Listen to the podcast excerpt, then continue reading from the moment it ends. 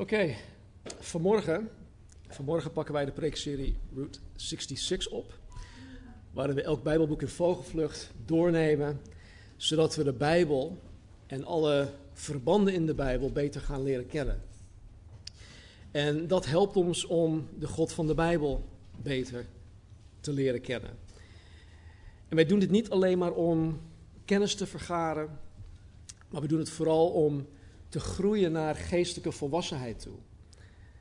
En waardoor Jezus Christus dan ook meer en meer gestalte in ons krijgt. Wat betekent in de praktijk dat wij steeds meer op Jezus Christus gaan lijken. En weet je, de wereld heeft het nu keihard nodig dat wij meer en meer als individuen op Jezus Christus gaan lijken. Nou, als het niet erg genoeg was dat wij momenteel met een een wereldcrisis, een pandemie te maken hebben. Nu hebben we ook nog eens te maken met een gigantische crisis in Afghanistan. En dat heeft verstrekkende gevolgen. Ik ga er niet verder op in, maar ik wil alleen benadrukken dat in deze turbulente tijden Gods kinderen zijn hemelse wijsheid keihard nodig hebben. En wij worden continu 24-7 gebombardeerd met slecht nieuws, met, met angstaanjagend nieuws. De hele wereld is bezorgd en leeft in angst. Er zijn, zelfs, er zijn zelfs beleidende christenen die in angst leven, die zich om allerlei dingen zorgen maken. Het is de zaak dat wij die Jezus Christus navolgen, Gods hemelse wijsheid krijgen. En dat wij die, die niet alleen krijgen, maar dat wij die ook hebben, bewaren en gebruiken. En ja, dan ten eerste voor onszelf, voor ons eigen leven, hoe wij ons leven invullen, daar hebben wij Gods wijsheid voor nodig. We hebben Gods wijsheid voor onszelf ook nodig in de prioriteiten die wij stellen en in hoe wij handelen en wandelen. Daar hebben we Gods wijsheid elke dag opnieuw voor nodig. want dat is bepalend voor onze getuigenis naar deze angstige wereld toe. De wereld kijkt met een vergrootglas naar degenen die beleiden christen te zijn. En vooral omdat de wereld momenteel in brand staat, hebben Gods kinderen zijn wijsheid nodig om alle nog niet gelovige, angstige en hopeloze mensen hoop te geven. Wij hebben de boodschap van hoop. En het is de hoop waar, waar Casper het in de Romeinen over had. En weet je, ik geloof dat naarmate het leven op aarde erger en moeilijker wordt, het ons duidelijk zal worden wie echt wedergeboren zijn en wie kerkgangers zijn. Want de volwassen wedergeboren christenen zullen Gods wijsheid ernstig zoeken en najagen. Want ze weten dat ze het zelf niet kunnen. En ze, ze moeten naar God toe rennen. En ze zullen geen vrees hebben behalve de vrees voor God. En ze zullen zich voornamelijk richten op Jezus en op anderen. Dus niet op zichzelf. Niet op zichzelf en hoe moeilijk hun leven is. En zo zeker niet op wat er in de wereld gaande is, dat door de elite en de politici tot stand wordt gebracht. Nou, vandaag gaan wij het Bijbelboek Spreuken in vogelvlucht bekijken. En mijn hoop en mijn gebed is dat wij hierdoor aangespoord zullen worden om voortaan steeds meer Gods hemelse wijsheid ernstig te gaan zoeken, te gaan najagen en te gebruiken. Maar laten we eerst de eerste twintig, dit is nu het twintigste boek, de eerste twintig Bijbelboeken samen opnoemen. Ik hoop dat ik het nog weet.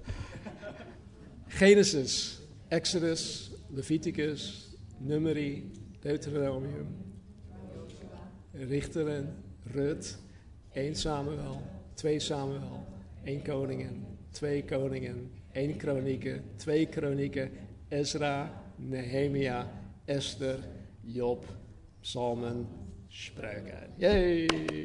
Give yourself a hand. Oké. Ehm, spreuken. Uh, Spreuken is een van de vijf poëtische boeken. Het behoort ook tot wat de filosofische boeken van de Bijbel genoemd worden. Want veelal gaan deze boeken, de filosofische boeken, over Gods filosofie van het hemels leven hier op aarde. En de filosofische boeken zijn dan Job, Spreuken en Prediker. De poëtische boeken behelzen een, een tijdspanne van zo'n 1575 jaar. vanaf de tijd van onze aartsvader Abraham tot aan de tijd van Nehemia.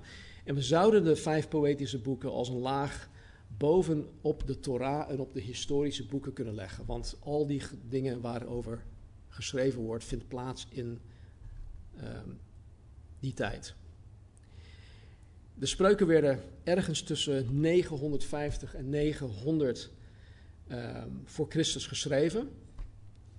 En het boek Spreuken zoals we het nu kennen werd uiteindelijk rond 700 voor Christus uh, verzameld en dan samengevoegd in één bundel. En koning Salomo is buiten twijfel de schrijver van het gros van het boek, van het boek Spreuken. Op drie plekken staat dit. De spreuken van Salomo, de zoon van David, de koning van Israël. Even verder in hoofdstuk 10 staat dit, de spreuken van Salomo. En verderop in, vijf, in hoofdstuk 25 staat dit, ook dit zijn de spreuken van Salomo, die de mannen van Hiskia, de koning van Juda, hebben overgeschreven. En in 1 Koningen 4:32 staat dat Salomo wel 3000 spreuken heeft uitgesproken. En maar goed, niet al die 3000 staan in het boek Spreuken. Volgens mij alleen degene die de Heilige Geest waardig vond om op te schrijven. Nou, er worden ook twee andere schrijvers in Spreuken genoemd. Spreuken 30 spreekt over een zekere Agur, A-G-U-R, zoon van Jake of Jake. En dan de eerste negen versen van Spreuken 31, um, ehm, ja, uh, Spreuken 31, die werden geschreven door een zekere koning Lemuel. En van Agur weten we verder helemaal niets. En van Lemuel denkt men dat het eigenlijk over koning Salomo zelf gaat. Maar hoe dan ook, uiteindelijk is de Heilige Geest degene die het geïnspireerd heeft. Hij is de auteur van de spreuken. Nou, de definitie van een spreuk, of van de spreuken, um, heb ik gestolen van een zekere Arthur Pearson uit de 19e en de 20e eeuw. En hij definieerde de Bijbelse spreuken als volgt. En dankzij Casper heb ik dit mooi kunnen vertalen. Heeft hij vertaald. Een spreuk, sorry hoor, uh, ik heb geen slide daarvan. Een spreuk is een wijs gezegde waarin slechts een paar woorden gekozen worden, in plaats van veel woorden. Met als doel om wijsheid samen te persen in een verkorte vorm. Om zowel het herinneren te, helpen en studeren te stimuleren. Dat betekent dat spreuken niet alleen wijze gezegden zijn, maar ook donkere gezegdes. Gelijkenissen waarin wijsheid vermomd wordt in een figuurlijke of raadselachtige vorm, zoals een diepe bron waaruit we instructie kunnen putten, of als een rijke mijn waar wijsheid opgegraven kan worden. Alleen diepgaande meditatie zal onthullen wat er verborgen is in deze morele en geestelijke stelregels. Einde citaat, aldus Arthur Pearson. Dit is in mijn mening een, een, een echte en duidelijke weergave van wat de Bijbelse uh, spreuken zijn. En waar we rekening mee moeten houden wanneer we de spreuken lezen, is dat de schrijver um, verschillende manieren van, verschillende schrijfstijlen gebruikt om dingen duidelijk te maken. Uh, de meest gangbare spreuken zijn wat uh, de contrastieve spreuken genoemd worden, wat, waarin uh, tegenstellingen staan. En deze spreuken bestaan meestal uit twee zinnen, waarvan de tweede zin vrijwel altijd met het woord maar begint. He, bijvoorbeeld dit. Even kijken, heb ik hem? Ja.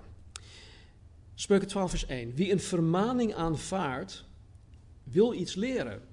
Maar Wie elke terechtwijzing haat, is dom. Uh, duidelijke taal. En we zien dus een, ja, een duidelijke tegenstelling. Iemand die wil leren versus iemand die niet wil leren.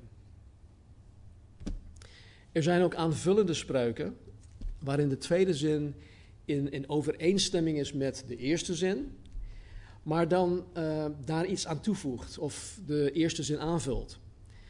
Uh, de tweede zin begint dan vrijwel altijd met het woord en. Daar heb ik ook een voorbeeld van, Spreuken 1, vers 8. Mijn zoon, luister naar de vermaning van je vader en veronachtzaam het onderricht van je moeder niet. Dus de tweede zin vult de eerste zin aan. En dan zijn er ook vergelijkende spreuken waarin de tweede zin de inhoud van de eerste zin vergelijkt. En de tweede zin begint dan vrijwel altijd met het woord dan. En daar heb ik ook een voorbeeld van, spreuken 17, vers 10. Een bestraffing werkt dieper in op een verstandige dan een honderdtal stokslagen op een, op een dwaas. Ja, dus hier een, een duidelijke vergelijking tussen verstandige en dwaas. Waar we ook rekening mee moeten houden, is dat niet alle spreuken expliciete beloften van God zijn die ons een gegarandeerde uitkomst bieden. Dus als, als er iets staat, dan kunnen we niet altijd zeggen, nou, het staat hier, God belooft het, dus hij moet het doen. Nee, nee zo zitten de spreuken niet in elkaar. In sommige gevallen zijn er nou eenmaal uitzonderingen op de aangegeven uitkomst. dit is vanwege de onzekerheid van het leven, waar we mee te maken hebben, en door de onvoorspelbare aard van de gevallen mens. Wij zijn allemaal gevallen. Soms verwacht je dat iemand A doet en dan doet hij B. Eh, mensen zijn nou eenmaal zo. In Spreuken 22, um, 6, dat is een voorbeeld. Er staat: Leer een kind van jongs af aan de juiste weg te volgen. Ook als hij ouder wordt, zal hij er dan niet van afwijken. Nou, ik had het jarenlang gezien als een belofte. Oké, ik ga mijn kinderen opvoeden om het juiste te doen. En wanneer ze ouder zijn, gegarandeerd gaan ze dit doen. Gaan ze de juiste weg volgen. Nou, dat is geen um, keiharde belofte van God. dit is een algemeen principe, principe, maar het is onderhevig aan de zondeval. En mensen kunnen er zelf voor kiezen of zij de door hun ouders geleerde juiste weg volgen of niet. Wij hebben nou eenmaal vrije keus.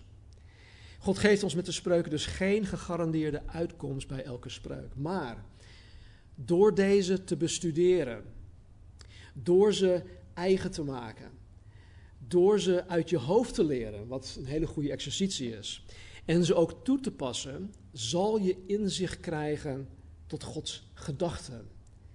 Je zal inzicht krijgen uh, tot Gods karakter, hoe Hij is, wie Hij is. Hoe Hij te werk gaat, zijn werken en zijn zegeningen. En wie God is en hoe Hij over zaken denkt, leidt wel tot gegarandeerde uitkomsten. Nou, het Bijbelboek Spreuken is het meest praktisch boek in het Oude Testament. En het leert de christen de vaardigheden om dagelijks goed te kunnen leven te midden van een goddeloze en duistere wereld. Het leert ons om op de juiste manier met, met God om te gaan. Het leert ons om op de juiste manier goed met mensen om te gaan, vooral met moeilijke mensen. Het leert ons het gigantisch groot verschil tussen wijsheid en dwaasheid. Tussen het rechtvaardige en het kwaad. Tussen trots en nederigheid. Het leert ons over gerechtigheid en wraak, over het gezinsleven, over familie, over de overheid, over luiheid. En over motivatie en over werk, over armoede en rijkdom, over vrienden en buren en liefde en lust en boosheid en conflict en werkgevers en werknemers, leven en dood. Spreuken leert ons hoe wij met geld om horen te gaan. Hoe wij met onze tijd en energie om horen te gaan. Het leert ons hoe wij het beste en het meest goderend onze monden kunnen gebruiken. Weet je, vaak hoor ik mensen zeggen: ja, had God ons maar een soort van handleiding voor het leven gegeven? Hallo, dit klinkt best wel als een handleiding volgens mij. Kortom, spreuken raakt alle facetten van menselijke interacties, menselijke relaties. En, en al haar principes zijn tijdloos. Bijna 3000 jaar lang worden de spreuken geleerd, toegepast, uitgeoefend en met heel veel succes. Ze zijn ook niet cultuurgebonden. En Marnie en ik die, eh, die komen uit de, VS. We zijn, in sommige dingen zijn we nog heel erg Amerikaans.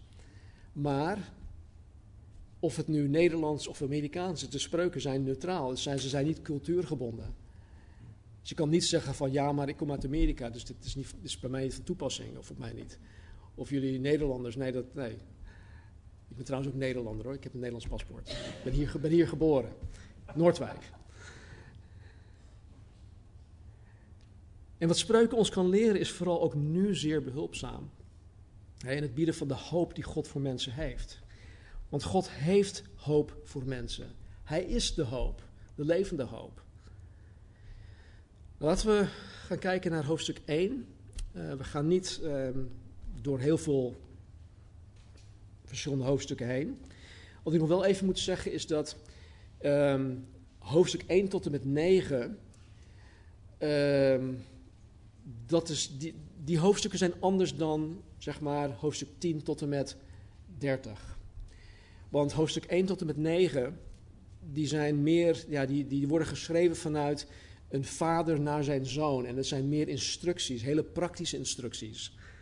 Het zijn dus geen tegenstellingen of um, aanvullingen of dat soort dingen. Het, het, zijn, het is echt vertellend, het is een verhaal.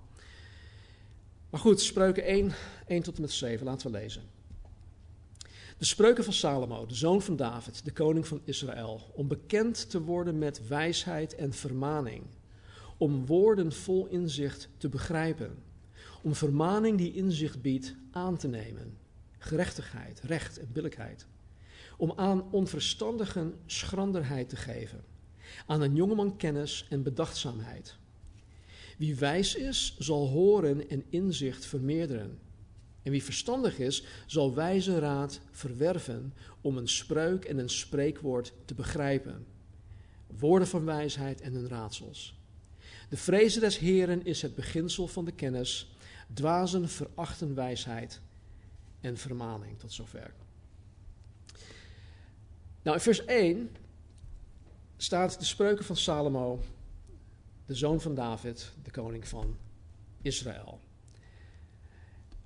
Jullie weten vanuit onze vogelvlucht in uh, 1 en 2 uh, Samuel, 1 en 2 Koningen, dat Salomo de tweede zoon van uh, koning David en Batseba is. En hij was ook de laatste koning, Salomo was de laatste koning die over Israël als één geheel heerste. Na hem kwam zijn zoon Rehabeam op de troon en vanaf dat moment werd Israël in twee gesplitst, het Noordelijk Rijk en het Zuidelijk Rijk. En de rabbijnen uit de oudheid beweren dat Salomo het boek uh, Hooglied geschreven had als een twintiger. En dat uh, kan, ik, kan ik best wel herkennen. En dat hij spreuken schreef toen hij als dertiger in de bloei van zijn leven was. En dat hij prediker schreef als oude man. Hij stierf ergens rond de 58 of 59. Dus uh, ja, oude man, dat is natuurlijk relatief. Maar goed, hij was, wat, hij was zeker wat ouder. Hij schreef de spreuken dus als een, een, een, ja, een, een vitale vader aan zijn zoon Rehabeam. En hij was oud genoeg om voldoende levenservaring opgedaan te hebben. Tegelijkertijd was hij nog jong genoeg om te weten waarmee zijn zoon Rehabeam te maken zou krijgen. En dus hij wist echt waar hij het over had. En bovendien had Salomo natuurlijk de bovennatuurlijke wijsheid van God gekregen om de spreuken überhaupt te kunnen schrijven. Ze zijn dus geschreven met het oog op de zoon van Salomo, vader aan zoon, Rehobeam. Maar vanuit een theologisch oogpunt heeft God het Bijbelboek Spreuken aan ons gegeven vanuit zijn vaderhart aan zijn kinderen, zowel zoons als dochters. En de reden waarom God het Bijbelboek Spreuken gegeven heeft, is als volgt, vers 2. Om bekend te worden met wijsheid en vermaning, om woorden vol inzicht te begrijpen. Het bekend worden is, is in dit vers geen onverschillige of oppervlakkige kennismaking van iets. En zoals men vandaag de dag vanwege onder andere social media een heel klein beetje van alles en nog wat denkt te weten. Dat is het niet.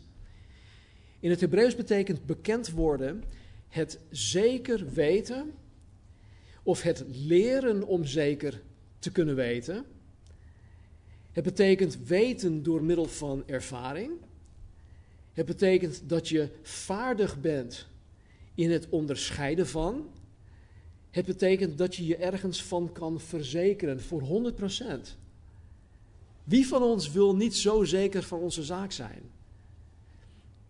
En in dit geval betekent het dat wanneer wij ons uh, er bidden toe aanzetten, wij bekend zullen worden met wijsheid en ook met vermaning. De woorden wijs en wijsheid in, in alle vormen komen in spreuken zo'n 115 keer voor. Het verkrijgen van Gods wijsheid is dan ook echt de hoofdzaak. Dat is het doel van dit boek. En helaas wordt wijsheid vaak door elkaar gehaald met kennis. En dat is duidelijk fout. Wijsheid en kennis zijn twee verschillende dingen. Wat ook fout is, is, is dat wijsheid niet altijd met leeftijd komt. Ik ken jonge mensen die heel veel van Gods wijsheid hebben. Ik ken ook oudere mensen, mensen die in hun tachtiger jaren zijn, zelfs negentig zijn, die totaal geen wijsheid van God hebben. Die nog steeds hele domme beslissingen nemen. Kijk, er is zoveel kennis anno 2021 beschikbaar. Ontzettend veel kennis en informatie en data. Er is zoveel kennis onder de mensheid in de laatste eeuw. Die, kennis is, is echt exponentieel toegenomen. Zelfs in de laatste twintig jaar, met de komst van het internet. In 1998, 1998, sommigen van jullie waren nog niet eens geboren, denk ik. Maar goed, 1998 behandelde Google 10.000 zoekopdrachten per dag. 10.000 zoekopdrachten per dag. Aan het einde van 2006, dus zo'n acht jaar later, werd dat 10.000 zoek, zoekopdrachten per seconde. En in 2019 werd het 3,5 miljard zoekopdrachten per dag. Wat neerkomt op zo'n 40.000 zoekopdrachten per seconde. Het is niet te bevatten. En maar ondanks de gigantische toename in en toegang tot informatie en kennis, is de mensheid er niet beter op geworden. Is de mensheid niet wijzer geworden. Integendeel, er is nu meer onwetendheid over hoe goed en juist te leven, ondanks alle kennis dat er is. Ik maakte zo even een grapje over uh, dat wij hier nog onderscheid maken tussen man en vrouw. Maar weet je, dat is echt een hele serieuze zaak. De wereld weet gewoon niet meer wat links of rechts is. Ondanks al deze data, ondanks al de informatie, ondanks al de kennis dat mensen gewoon tot hun beschikking hebben. Vandalen definieert wijsheid als dit. Het vermogen om verstandig te handelen. Het vermogen om verstandig te handelen. En het Hebreeuws woord voor wijsheid heeft in eerste instantie te maken met bekwaamheid. Bekwaamheid, vermogen, dat komt overeen. Dus het komt overeen met de definitie van Vandalen. J van Vandalen. Het betekent bekwaamheid, bekwaamheid in het maken van de juiste beslissingen. Bekwaamheid in je doen en in je laten. Bekwaamheid in het verstandig handelen. Dus als wijsheid een vermogen of een bekwaamheid is, dan is het per definitie iets dat jij en ik kunnen leren. Wij kunnen het leren. En dat geeft mij hoop. En niet alleen voor mezelf, maar ook voor jullie. En oh, wat, wat wens ik, wat, waar verlang ik naar, dat wij allemaal zo wijs zijn dat wij op een wijze manier met elkaar omgaan. Ik hunker naar die wijsheid, voor mezelf en ook voor jullie. Dus de spreuken zijn aan ons gegeven om vaardig te worden in het verstandig handelen. Maar niet alleen dat. De spreuken zijn ook gegeven om vaardig te worden in vermaning en om woorden vol inzicht te begrijpen. En de vermaning waarover Salomo schrijft heeft te maken met het gecorrigeerd worden. Een kind van God moet leren vaardig te worden in het aanvaarden van correctie. Een kind van God moet leren vaardig te worden in het aanvaarden van tucht. Want God tuchtigt degene die hij lief heeft. En mensen zijn van nature niet in staat om vermaning te aanvaarden. Op het moment dat je mensen aanspreekt, nee hij, nee zij. En als je me niet gelooft, loop een keertje mee met de zondagschool. En observeer hoe onze kinderen met correctie omgaan. Niet de nadelen van onze kinderen, we zijn allemaal zondaren. Er was van de week net eentje geboren. Vanuit onze eigen gelederen. Weet je, dus spreuken zegt niet voor niets dat dwaasheid in het hart van een kind gebonden zit. Wij zijn allemaal zo. Het is ook het vaardig worden in het aanvaarden van vermaning, van gecorrigeerd worden en het goed op te pakken, daar goed mee om te gaan, is iets dat, dat, dat, dat jullie, dat jij en ik, wij kunnen dat leren. We moeten het leren. God vereist van zijn kinderen dat wij dit leren. En de spreuken zijn ook gegeven om ons de spreuken zelf, oftewel de woorden van inzicht, zoals Salomo dat noemt, te kunnen begrijpen. En hierin zien wij een belangrijk principe in Bijbelinterpretatie. Er is iets dat heet um, um, het syntheseprincipe. Syntheseprincipe. En dit principe leert ons dat de beste uitlegger van de schrift de schrift zelf is. Het is de Bijbel is de beste uitlegger van de Bijbel. En wat ik hiermee bedoel is dit. Ik heb dit gejat van godquestions.org. Ik citeer. We moeten elke schriftgedeelte onderzoeken in verband met de directe context. Dat wil zeggen de verzen eromheen, met de bredere context. Dat wil zeggen het boek waarin het staat. En met de gehele context van de gehele Bijbel. De Bijbel is nooit tegenstrijdig. Elke theologische verklaring kan en moet in overeenstemming zijn met theologische verklaringen in andere schriftgedeelten. Een zuivere Bijbelinterpretatie houdt elk schriftgedeelte in verband met het geheel van de Bijbel. Einde citaat. Dus als, als wij het syntheseprincipe trouw hanteren, en naarmate wij ons de spreuken eigen gaan maken, en naarmate de Heilige Geest, de geest van de waarheid, ons hierin onderwijst, hoe meer wij de woorden van inzicht zullen gaan begrijpen. En dit geldt trouwens niet alleen voor spreuken, dit geldt voor de hele Bijbel. Syntheseprincipe, dat moeten we voor de hele Bijbel toepassen. Vers 3. Om vermaning die inzicht biedt aan te nemen. Om vermaning die inzicht biedt aan te nemen. Gerechtigheid, recht en billijkheid. Kijk, vermaning komt niet slechts rechtstreeks voort vanuit uh, het woord van God. Het komt wel rechtstreeks uit, vanuit het woord van God, maar soms komt het um, in dit geval van Salomo naar zijn zoon. He, soms spreekt God de Vader ook tot mij of tot ons door middel van zijn kinderen. God spreekt door andere mensen heen. Altijd wel op Gods woord gebaseerd, maar hij spreekt door andere mensen heen.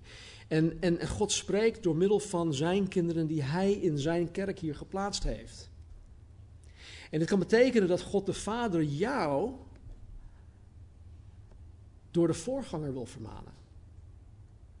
Kan. Of door de assistent-voorganger. Of door wie dan ook. Wie, welk, het maakt niet uit. Door elk ander lid in deze gemeente kan God gebruiken om jou te vermanen. Iemand die God in jouw leven op dat moment heeft geplaatst. En hoe dan ook, de vraag is: neem je de vermaning die inzicht biedt van deze mensen aan? Heb jij dat al geleerd of moet jij daar nog heel veel in leren? Dat maakt niet uit. We zijn allemaal op weg. We zitten allemaal hetzelfde schuitje. We zijn allemaal lerend. Maar het is wel iets dat wij moeten leren. Dus neem jij die vermaning die in zich biedt van, van mensen aan? Of ben je zo'n iemand die alleen met Jezus wandelt? En als Jezus jou iets te zeggen heeft, dan weet hij jou wel te vinden. It's just me and Jesus, hallelujah. Out of my face. een van de meest belangrijke eigenschappen in een discipel van Christus is dat hij of zij teachable is. En teachable betekent leergierig of leerbaar. En de vraag is dan, ben jij teachable? Ben ik teachable? Wil jij je aan de Heer schikken door jezelf nederig en kneedbaar op te stellen aan degenen die door God gegeven zijn om jou te onderwijzen en of te vermanen? Ben jij ontvankelijk voor dit soort onderwijs, hè, voor dit soort vermaning? Of ben je zo'n iemand die liever met rust gelaten wil worden? Of zo'n iemand die liever heeft dat niemand zich met jouw zaken gaat bemoeien?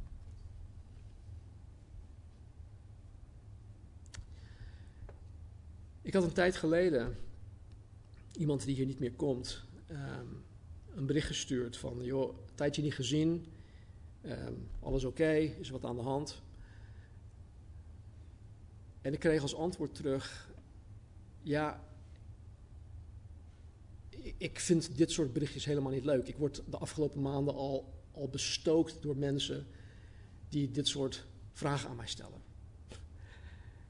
Ik heb zoiets van: Hallo, mensen geven, geven om jou, mensen houden van jou, mensen willen weten hoe het met je gaat. Wat doe je debiel? Had hij niet gezegd, maar ik had het wel gedacht. Maar als je nu meeluistert, nu zeg ik het tegen je. Weet je, dus ik snap dat niet. De spreuken zijn gegeven om vermaning die inzicht biedt aan te nemen. Gerechtigheid, recht en billijkheid. Vers 4.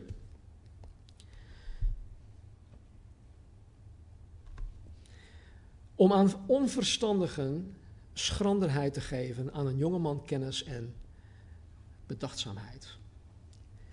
Een onverstandige is iemand die, die makkelijk te misleiden is. Het is iemand die makkelijk verleidbaar of overhaalbaar is. En zo'n iemand gaat met, met alle winden mee. Die gaat met alle winden mee. Niet standvastig.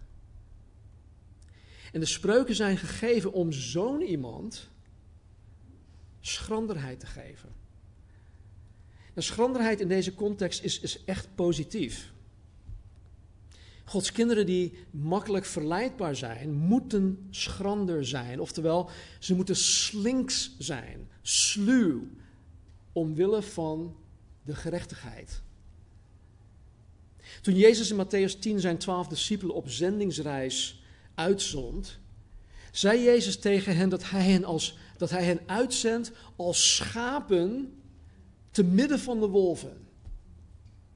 Dat is geen goede, goede, goede, ja, uh, goede opdracht. Maar Jezus deed het wel. Hij zond hen uit als schapen te midden van wolven. En dat zij dan zo scherpzinnig, zo schrander moesten zijn als de slangen. En tegelijkertijd zo oprecht als de duiven. En dus wanneer mijn wandel in de Here door de invloed van anderen in gevaar gebracht wordt, of wanneer mijn getuigenis door anderen in gevaar gebracht wordt, of wanneer zijn kerk, Jezus Christus, zijn kerk, door anderen in gevaar gebracht wordt, dan moet ik in rechtvaardigheid slinks, sluw, schrander, scherpzinnig zijn. Zo sluw en scherpzinnig als de slangen. Om zo te voorkomen dat datgene waar Jezus aan het kruis voor gestorven is, niet in gevaar wordt gebracht.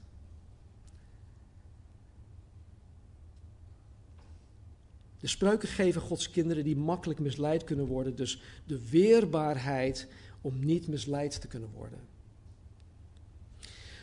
Nou, de woorden in dit vers, aan een, jongen, aan een jonge man kennis en bedachtzaamheid, dat bouwt gewoon voort op het eerste en betekent min of meer hetzelfde. En dit is uh, een vorm van Hebreeuwse, Hebreeuwse poëzie, waarin de tweede zin de gedachte van de eerste zin bevestigt. En dit komt vaker voor, dat zal je vaker ook zien als je het leest. Vers 5 en 6. Wie wijs is, zal horen en inzicht vermeerderen. En wie verstandig is, zal wijze raad verwerven om een spreuk en een spreekwoord te begrijpen, woorden van wijzen en hun raadsels. Het horen spreekt hier niet slechts van het, het waarnemen van geluiden. En maar het, het aanvaarden en het, en het verwerken van wat er inhoudelijk tegen je gezegd wordt. En dat dan te gehoorzamen. En zo'n persoon is teachable. Zo'n persoon is ontvankelijk voor onderwijs, ontvankelijk voor goddelijke raad en advies. En zo'n persoon zal leren om bijbels om te gaan met alle zaken die op hem of haar afkomen. En dit is vooral van essentieel belang in situaties waarin je zegt van, oh, ik weet echt niet wat ik nu moet doen. Ik weet het echt niet meer. En maar niet alleen dat, het is ook belangrijk wanneer je denkt het zelf goed te weten. Want we kunnen nogal eigenwijs zijn. Salomo zegt in vers 6 dat de spreuken zelf bij machten zijn om ons de spreuken, de spreekwoorden, de woorden van wijzen en de raadsels te kunnen begrijpen. En het geldt vooral voor ons, wij die wedergeboren zijn, want wij hebben de geest van God in ons wonen, de Heilige Geest, de geest van de waarheid. Die ons tot de volledige waarheid zal brengen. Dus ook met betrekking tot de spreuken zal de Heilige Geest ons dingen laten zien. Gegarandeerd. Maar nu dit. Ondanks dat de spreuken van Salomo ons beloven te helpen om wijsheid te krijgen, is dat niet mogelijk zonder het volgende. En het volgende is dit. De vrezen des Heren is het beginsel van de kennis. Dwazen verachten wijsheid en vermaning. De vrezen des Heren is het beginsel van kennis. Weet je, vrees voor God is goed. Vrees voor God is goed. Het is gezond. Het is essentieel in het leven van een kind van God. Vrees moeten wij niet verwarren met angst. Dat zijn twee verschillende dingen. Angst is een, is een gevoel die je krijgt dat er onheil of gevaar dreigt. Vrees, in de context van de vrezen des Heren, dat heeft puur te maken met met respect, met ontzag, met eerbied voor God. En volgens G. Campbell Morgan, een Bijbelcommentator, zijn er twee soorten vrees. De eerste is dit, en ik citeer. De vrees dat God mij pijn zal doen. Dat is één vorm van vrees. De vrees dat God mij pijn zal doen. Maar weet je, dit is een egoïstische vrees, want dan gaat het om mij. Het gaat om mij. De vrees dat God mij pijn zal doen, is een egoïstische vrees, want het gaat om mij. Einde citaat. Dan is er ook een tweede. De vrees dat ik God pijn zal doen. Dit is een vrees dat voortkomt uit liefde voor God en het brengt heiligheid in karakter voort en rechtvaardigheid in handelen. Einde citaat. In uh, de profeet Ezekiel 6 staat dat Juda door hun eigenzinnigheid en egoïsme God pijn heeft gedaan. Oftewel, ze hebben God bedroefd.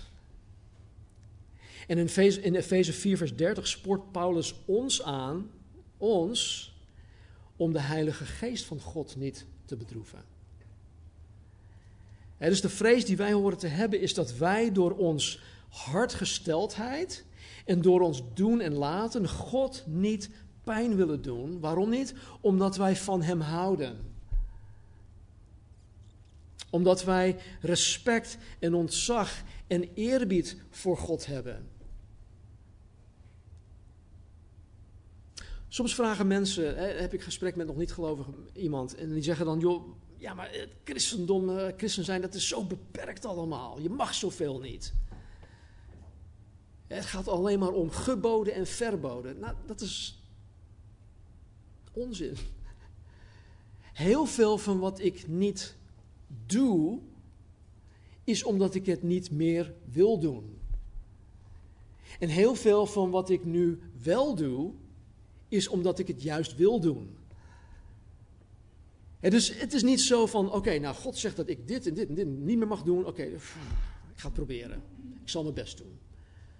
Nee, God verandert mij. Ik hou van Hem. Ik respecteer Hem. Ik, ik heb ontzag en eerbied voor Hem. Ik wil het niet meer. Ik wil Hem geen pijn doen. Ik wil Hem niet bedroeven.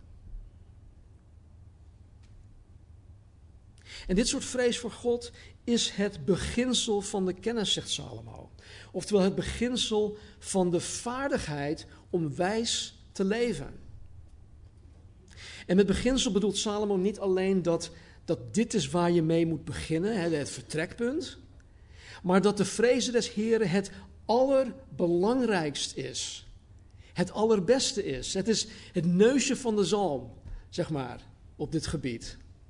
Het is te vergelijken met het eerste en het grootste gebod, namelijk dat je van God houdt, dat je God lief hebt met heel je hart, ziel, kracht en verstand. Oftewel dat je God boven alles lief hebt. Dus hoe, hoe laveren wij als wedergeboren christenen deze turbulente tijden? Hoe doen we dat? Hoe kan ik nu nog christen zijn in deze wereld? Waar halen wij de wijsheid vandaan om niet slechts te overleven of, of overeind te blijven, maar om juist te bloeien, om, om uit te blinken in deze wereld? En niet om ons, om, om ons eigen ik, maar juist omwille van het evangelie, om, omwille van Jezus Christus. Ik hoef niet uit te blinken. Maar Jezus in mij en Jezus door mij heen moet uitblinken. Hij moet uitblinken in deze duistere wereld vol angst en onzekerheid. Kijk, ik, ik kan jullie een, een hele lijst laten zien van wat jullie allemaal praktisch kunnen doen. Praktische hints en tips geven om beter om te kunnen gaan met de wereldsituatie. Maar het heeft totaal geen zin als je niet eerst het fundament op orde hebt. De vrezen des Heren is het beginsel. Dit is het fundament. En zonder dit fundament kan je allerlei dingen gaan verzinnen of doen, wat in mijn optiek een gigantische afleiding kan zijn, een gigantische verspilling van je tijd en energie, want op een gegeven moment zal je toch bedrogen uitkomen. De vraag is dus, heb jij vrees voor God? Wie of wat dien jij? Dien jij de God van de Bijbel of dien jij jezelf. en wat jij zelf belangrijk vindt. Wat jij zelf wil. Het eerste gebod in de tien geboden is, is dat God op de eerste plaats wordt te staan. Houd geen andere goden voor mij of in zijn plaats. En weet je, als je iets anders belangrijk vindt dan wat God belangrijk vindt, dan verbreek je al in één keer het eerste gebod van de tien geboden. Want dan zet je dat andere in de plaats van wie God is. En weet je, veelal zet ik mezelf op die plaats. Wat ik belangrijk vind. Wat ik wil. Wat ik denk dat moet. Vraag het maar aan mijn vrouw.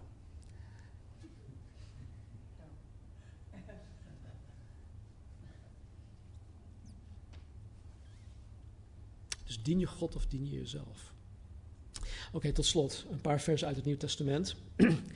Met betrekking tot de wijsheid van Salomo zei Jezus over zichzelf dat hij groter dan Salomo is. Salomo wordt beschreven als de meest wijze man die ooit heeft geleefd. En weet je wat? Jezus is nog wijzer dan hij.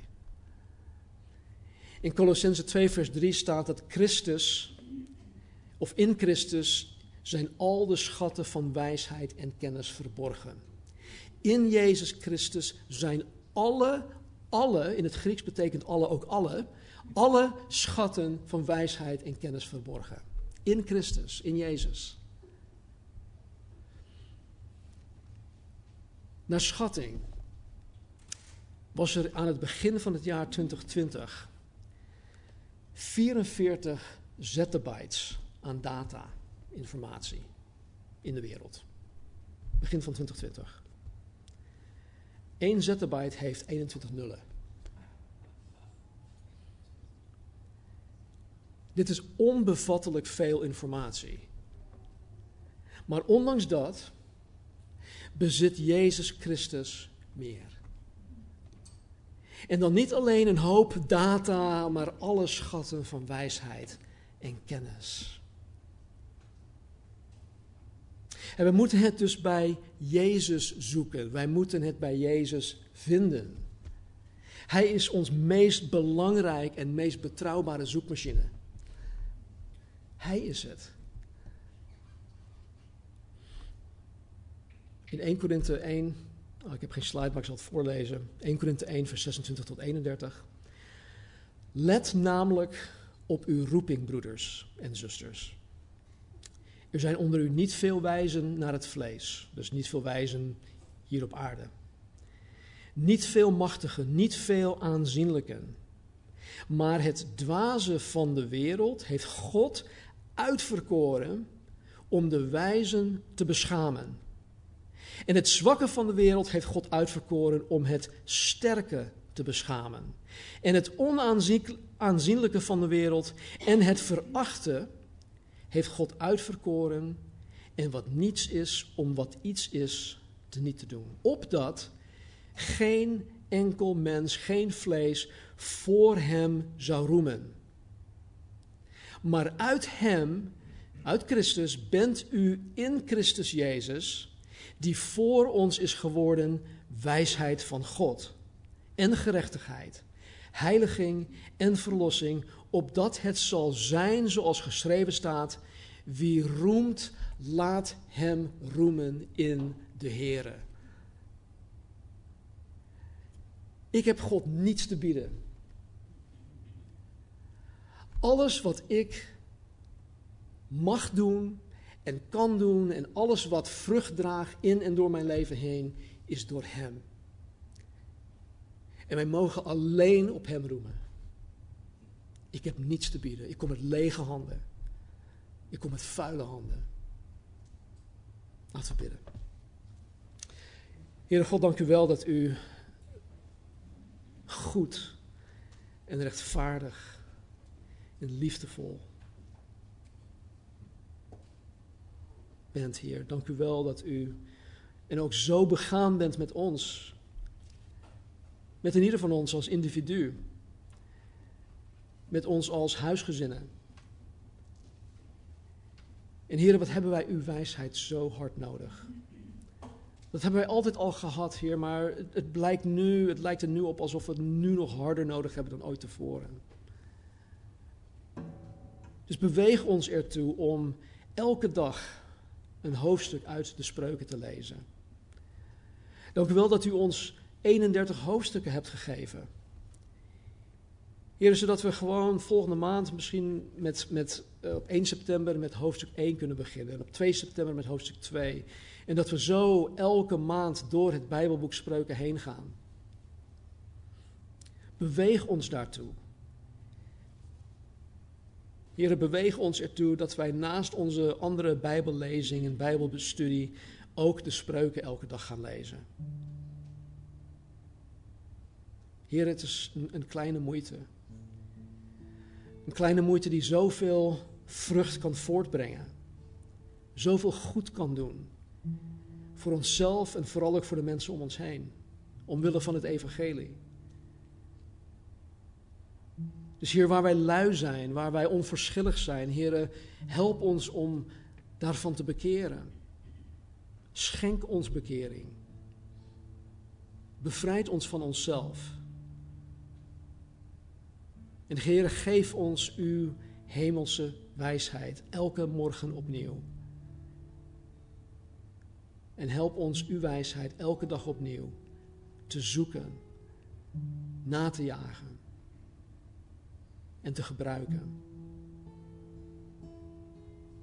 Heer, omwille van uw grote naam en voor onze eigen zegen.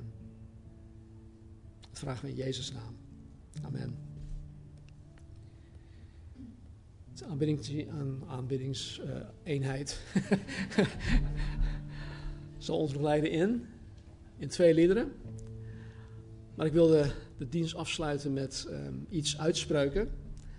Spreuken 3, 5 en 6, waarin staat vanuit de Groot Nieuwsbijbel: Vertrouw op de Heer met heel je hart. Vertrouw op de Heer met heel je hart en wees niet eigenzinnig. Houd de Heer voor ogen bij alles wat je doet, dan baant Hij voor jou de weg. Dus God zegen jullie. Zoek ernstig de wijsheid die van boven komt. Zoek de Heer. God zelf is wijsheid. En wees gezegend in jullie thuissituaties, op werk. De kinderen die morgen weer naar school toe gaan. Ik denk dat sommige ouders daar erg blij van worden. God zegen jullie en blijf zometeen nog voor de, de fellowship. Er zullen ook mensen zijn in de achter, langs de rand van de zaal.